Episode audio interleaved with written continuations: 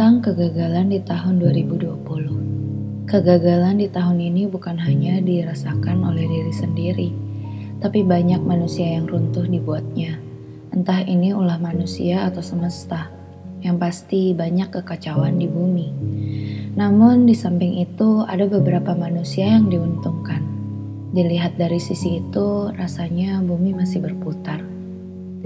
Semua orang merasakan tekanan yang begitu hebatnya semua orang juga lagi kebingungan.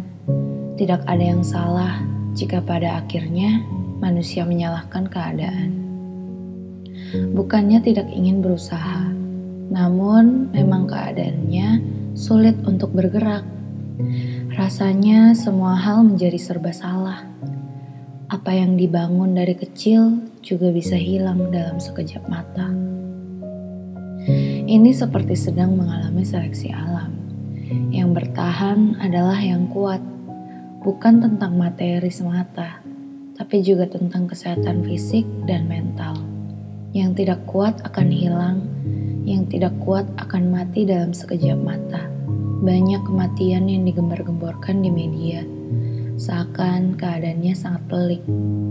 Ditebar ketakutan agar manusia tidak bisa bergerak, agar manusia dapat dikontrol untuk diam dan diam artinya mati secara perlahan. Tapi akhirnya kita semua berada di ujung tahun. Itu menandakan bahwa kita adalah orang kuat.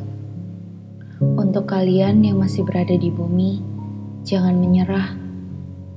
Kegagalan yang terjadi kemarin adalah pelajaran. Aku yakin kamu juga mendapatkan pelajaran dari sana.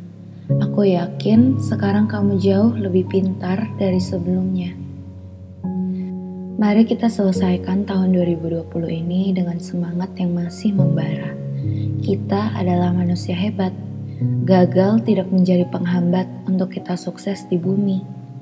Jangan berkecil hati untuk melanjutkan hidup di bumi. Kalian sudah berjuang sampai saat ini.